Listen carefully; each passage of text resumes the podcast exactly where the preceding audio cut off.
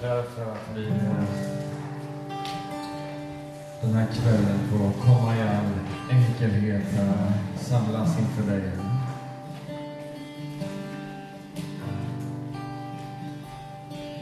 Samlas i tron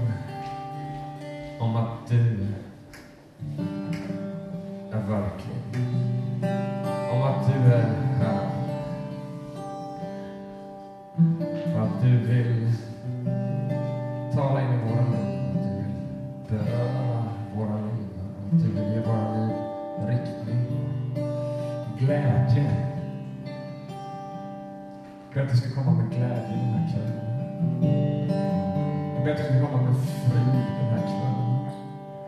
Och är det murar som behöver rasa så ber jag att du ska låta murar rasa.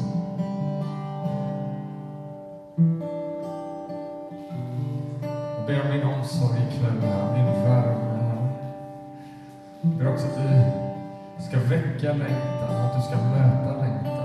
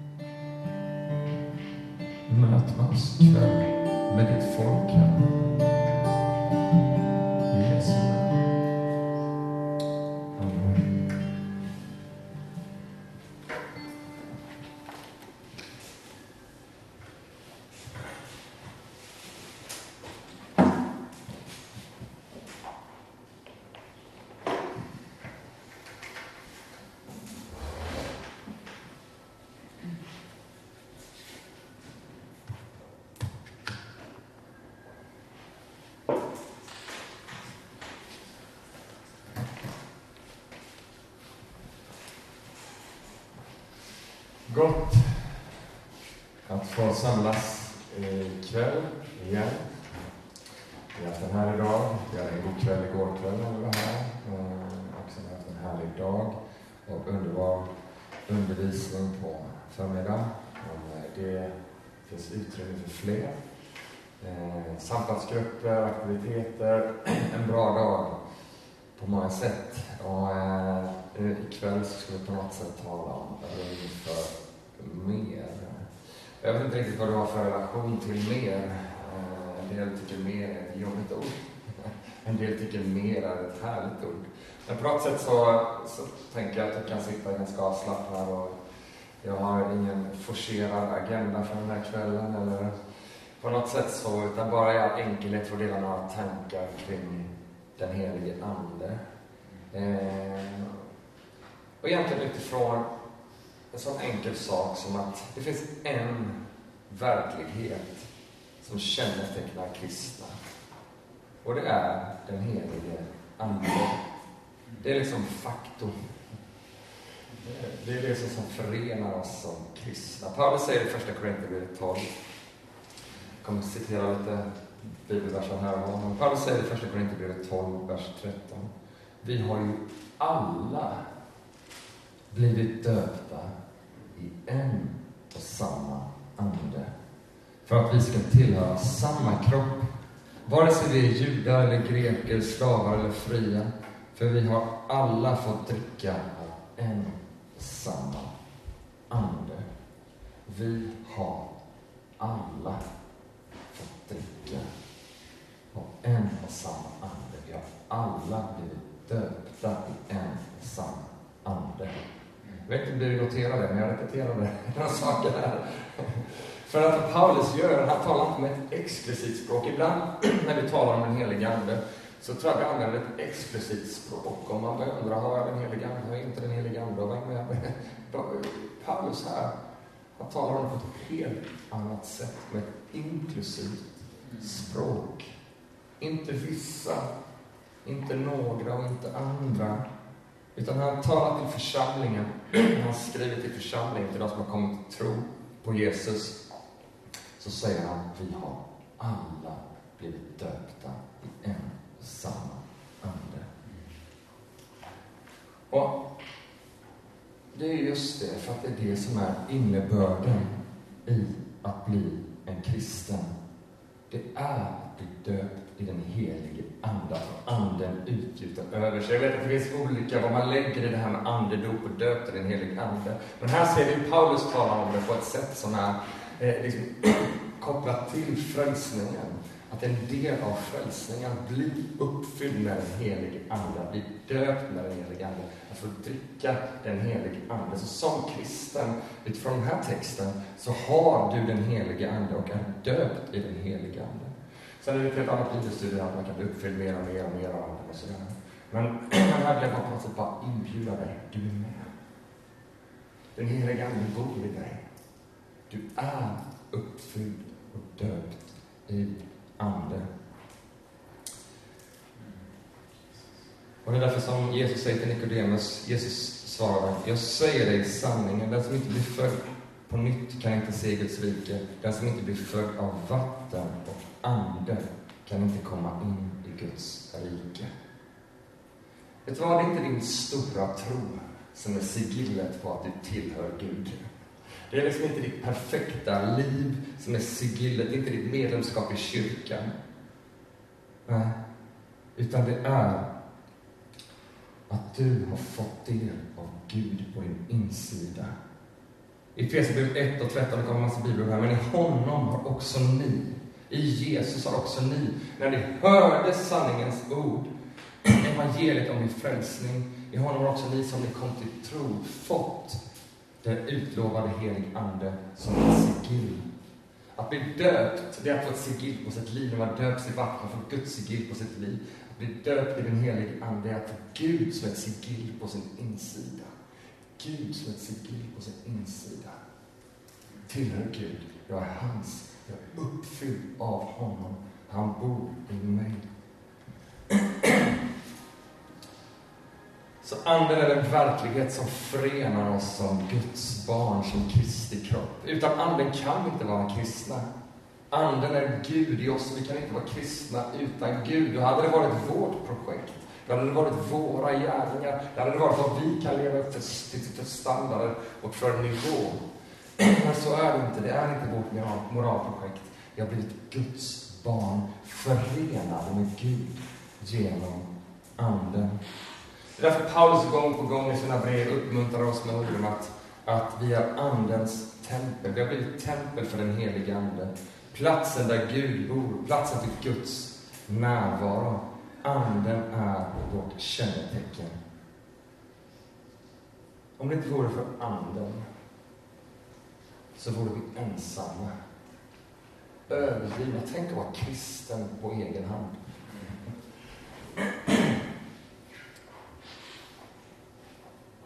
Om det var liksom en instruktionsbok. Gör det här, gör det här. Men Jesus säger, jag ska inte lämna er ensamma. Johannes 14. Jag ska be Fadern och han ska ge er en annan hjälpare som ska vara hos er för alltid, sanningens ande. Jag ska inte lämna er ensamma. Kanske behöver du bli påminn om det. Du är inte ensam. Du är inte ensam. I din vandring, i din tro. Du är inte ensam. Vi är ett Andens folk. Ett närvarons folk. Guds folk har genom alla tider varit ett närvarons folk. I skapelsen så vandrade Adam och Eva med Gud. Och vad hände med syndafallet? Jo, men den här närvaron, ni vet alla härligheter gick förlorade. Närvaron gick förlorad.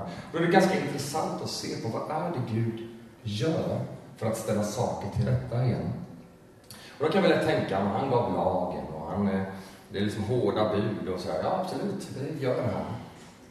Men än mer centralt, han återetablerar sin påtagliga närvaro på jorden igen.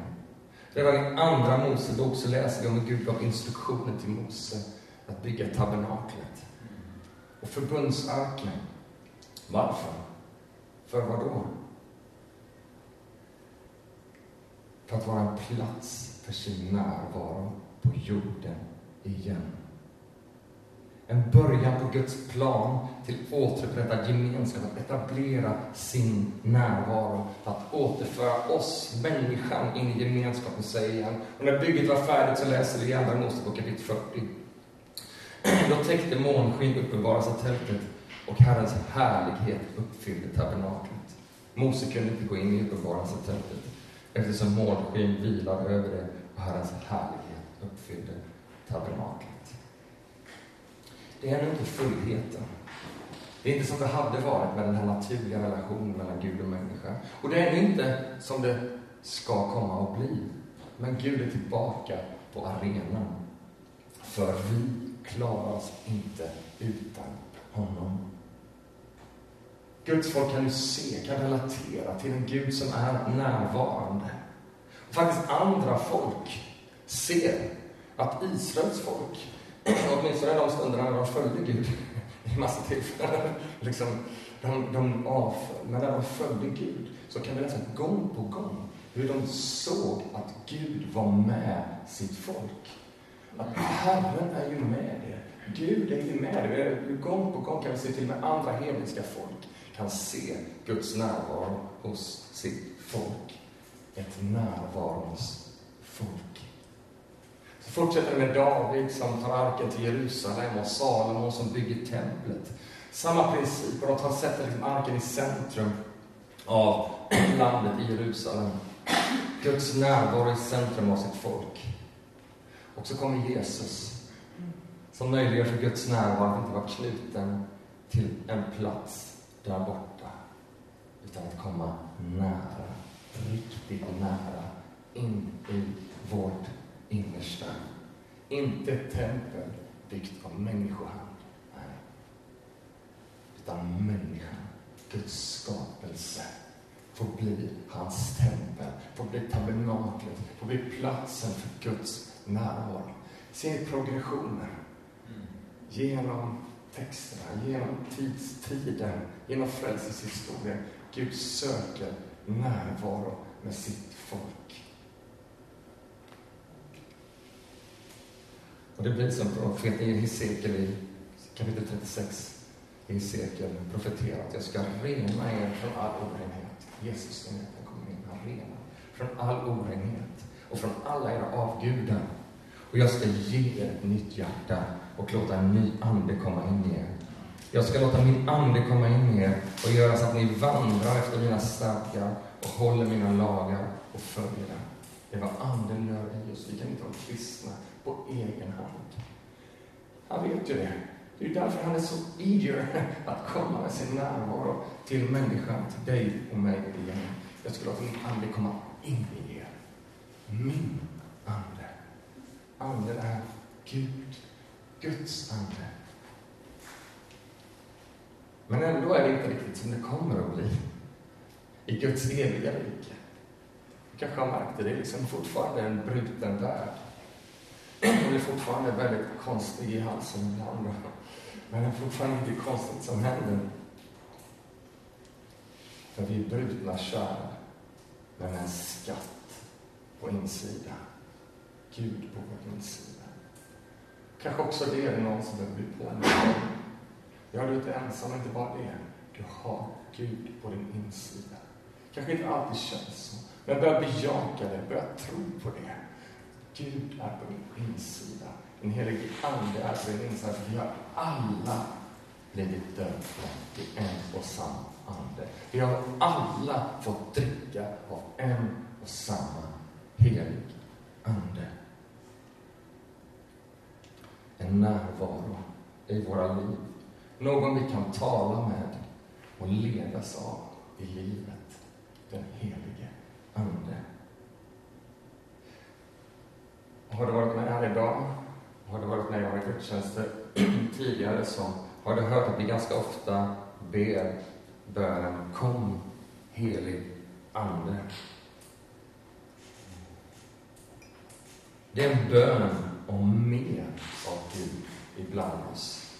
En bön att göra rum för mer. En bön som har betts genom kyrkan, med de orden har betts genom kyrkan, äh, i kyrkan, genom kyrkan, genom århundraden. Kom, helig Ande. Därför att vi är ännu i den tiden. Det har, alltså Gud har kommit in på arenan, han har kommit nära. Men vi är ännu inte där, där vi återigen lever i fullheten av hans härlighet och närvaro. Och alla problem är borta. Utan vi är i tiden när vi behöver mer av Gud och mindre av allt som den här världen har att erbjuda. Mer av Gud.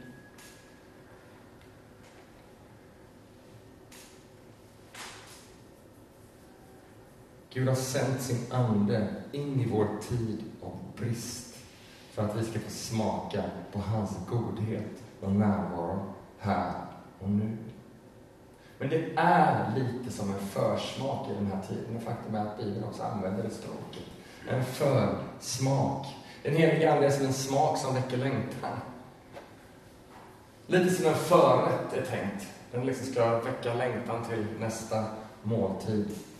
Det är inte den fulla måltiden, men den är god och den väcker längtan efter mer.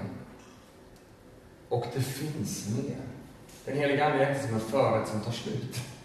Utan det finns mer att uppleva. Mer av vem Gud är.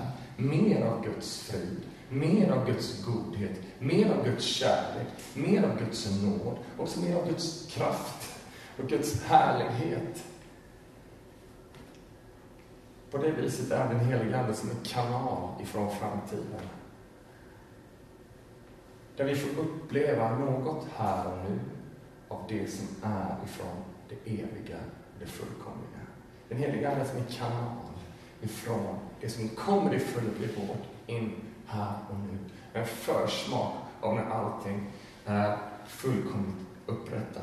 Men sen är det också så att den heliga Ande kommer med specialutrustning som är för denna tid.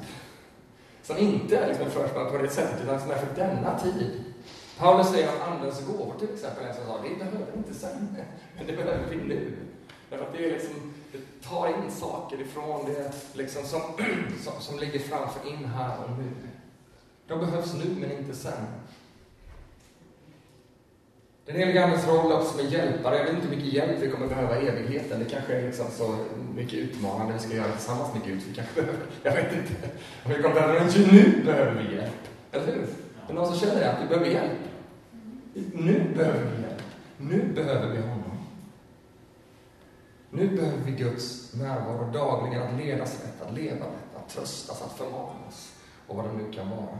Så att be kom den helige Ande är inte minimera, är inte att minimera att vi har fått den helige Ande. Som vi sa i början, vi har fått, vi har fått dricka av den helige Ande. Att be den bönen är liksom inte att minimera det. Utan tvärtom är det att maximera det faktum att vi har fått den helige Ande som en resurs på vår insida som vill verka fram goda saker i våra liv. Så att be är liksom att ge Gud mer utrymme i våra liv. Det är lite som ett äktenskap. Även om jag sätter mitt ja i kyrkan så behöver jag liksom varje dag ge min fru utrymme liksom, och, och, och, i mitt liv. Inte bara leva på som, som, som det var innan, utan jag behöver ge min fru utrymme. På samma sätt är det, helige jag vill ge dig utrymme. Sen är det inte viktigt med formuleringen Kom helige Ande. Man kan formulera den bönen på väldigt, väldigt många olika sätt. Men det är mer attityden, principen av och innebörden bakom orden. Jag tror ganska ofta, inklusive mig själv och våra sammanhang, eller i många sammanhang så har vi liksom en karismatisk teologi. Så vi, vi liksom, när vi pratar om det så tror vi på massa saker med den heliga Ande. med massa, den heliga Ande kan göra hur mycket som helst. Men vi pratar om det.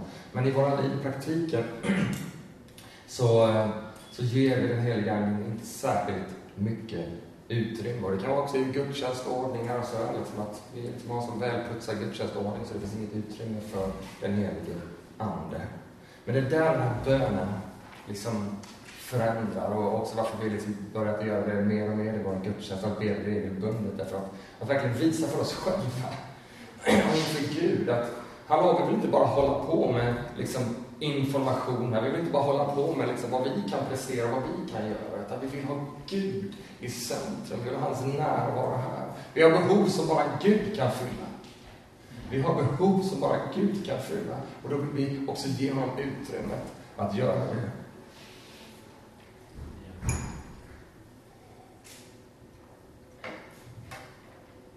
Närvarons folk, Andens folk.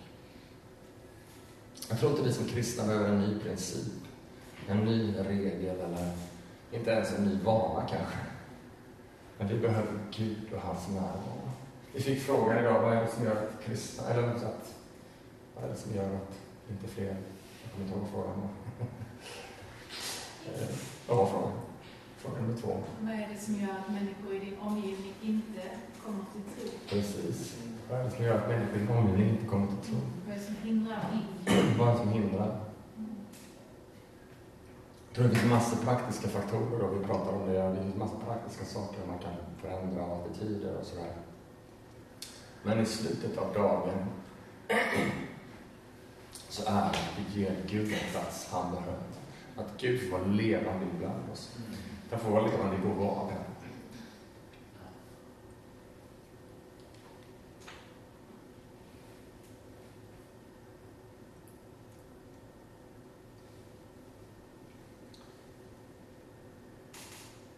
Därför att världen omkring oss behöver inte religion.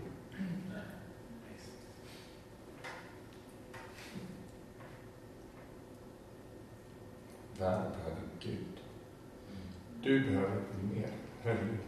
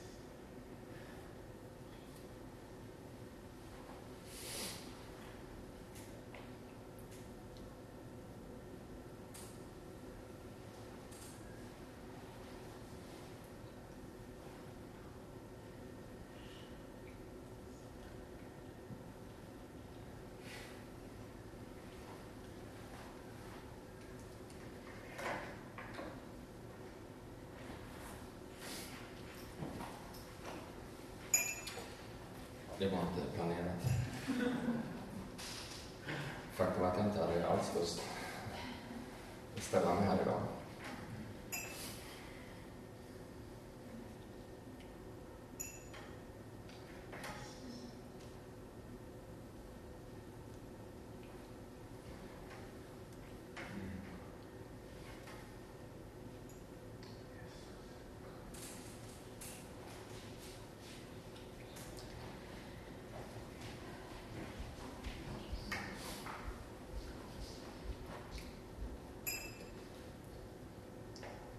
Men kanske var det just för detta. Vi behöver inte mer religion. Världen behöver inte mer religion eller verksamhet. Utan Gud. Jag vet inte om det var John Wimber som grundade Wingyard-rörelsen eller någon av hans medarbetare var det i alla fall som sa att utan en helig ande aktiv i våra kyrkor och utan vår villighet att låta Anden verka på olika sätt i kontexten av våra lokala kyrkor så har vi inget att erbjuda världen. Inget. Guds närvaro är sigillet på att vi tillhör honom. Vi fick inte en stämpel i passet. Det skulle kunna vara så att man är, skulle kunna skicka in någon här stämplar här passen du tror på mig, så tillhör du mig. Vi fick inte en fjäder i hatten, vi fick Guds levande närvaro. Guds kraft på vår insida. För att vi ska leva av honom och med honom. Och jag vet, för jag är precis som du, att vissa dagar känns det överhuvudtaget som att det finns ingenting. Men då, någonstans, så får man vila i den vissheten att vi har druckit av Anden. Vi har blivit uppfyllda av Anden. Och så kommer de här stunderna man minst anar det, där man inte riktigt kan kontrollera det själv. Där man upplever en närvaro som går bortom mänsklig förklaring. Och det är den helige Ande.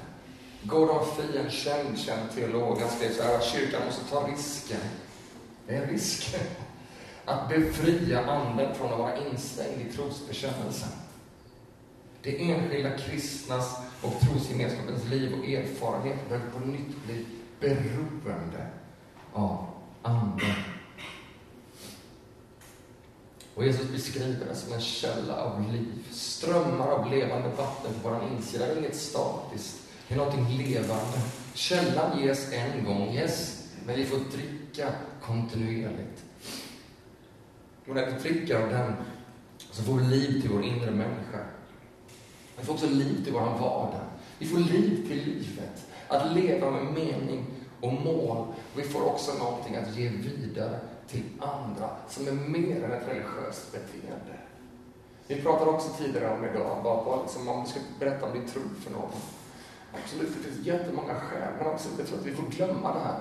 Att jag har upplevt någonting, jag har mött någonting. Jag är inte varje dag att jag vaknar sådär, men jag har stunder där jag har fått erfarenheter av Gud. Även om det var 20 år sedan, eller om det var igår, men man har fått ett möte någonstans, man kom till en punkt där man vill följa Jesus. Sen kommer gråa dagar och det kommer alla möjliga dagar. Men det finns de mötena, att det är det faktiskt som är skillnaden. Inte bara goda åsikter om Gud, utan hans närvaro och hans härlighet. Guds närvaro skilde Israels folk från andra folk. Inte som ett hån, haha, vi har Gud och ni har inte. Men som en inbjudan att för dem också få följa den sanne Guden, att få böja sina knän för Israels Gud. På samma sätt är Guds närvaro idag skillnaden. Vi kan inte erbjuda den bästa underhållningen, det är inte det som är poängen med ifrån. Vi kan inte heller erbjuda ett bekymmersfritt liv. Men vi kan erbjuda Gud och hans närhet och gemenskap. Inte problemfritt, inte utan tvivel, inte utan utmaningar, men med en närvaro av Gud genom allt. Med ett hopp som bär i allt. Med en erfarenhet av Guds närhet, men samtidigt av en desperat längtan efter mer. För det är ju bara en förrätt. Det är så lite, vi vill ha mer. Kom, helige Ande. Vi får leva med den bönen och den längtan. Jag vill på något sätt uppmuntra dig att, att leva med den livshållningen. Att ge Gud utrymme i våra liv. I vår vardag. För hela våra liv. Mm. Vi ska ta en stund av stillhet och eh, vi kommer också ha lovsång senare också. Jag vill att det bara kan få vara en enkel atmosfär. Eh, vi kan, om man känner att man vill be för någon eller lämna förbön, kan man knacka på axeln på någon, kan du be för mig? Eller om man har någonting att dela så går det bra att dela. Så vi har en enkel atmosfär. Men först tänkte jag om vi står upp och så har jag bett Pierre komma och läsa en bön som är många, många hundra år gammal och faktiskt från katolska kyrkans pingstliturgi. En bön som man ber i alla katolska kyrkor, jag förstår det som, ute över världen, eh, som heter just Kom helig Ande.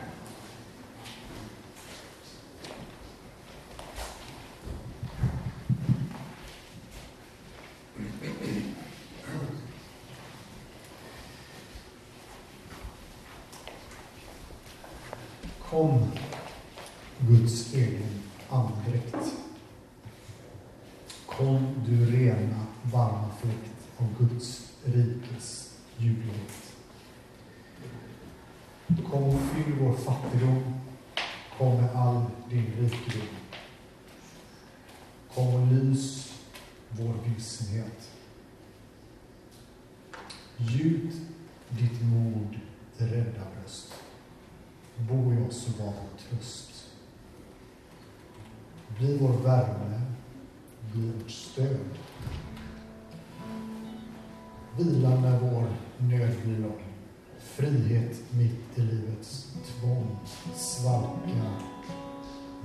i smärtans glöd. Ande, salighetens ljus, gläd vårt hjärta med ditt rus. Bli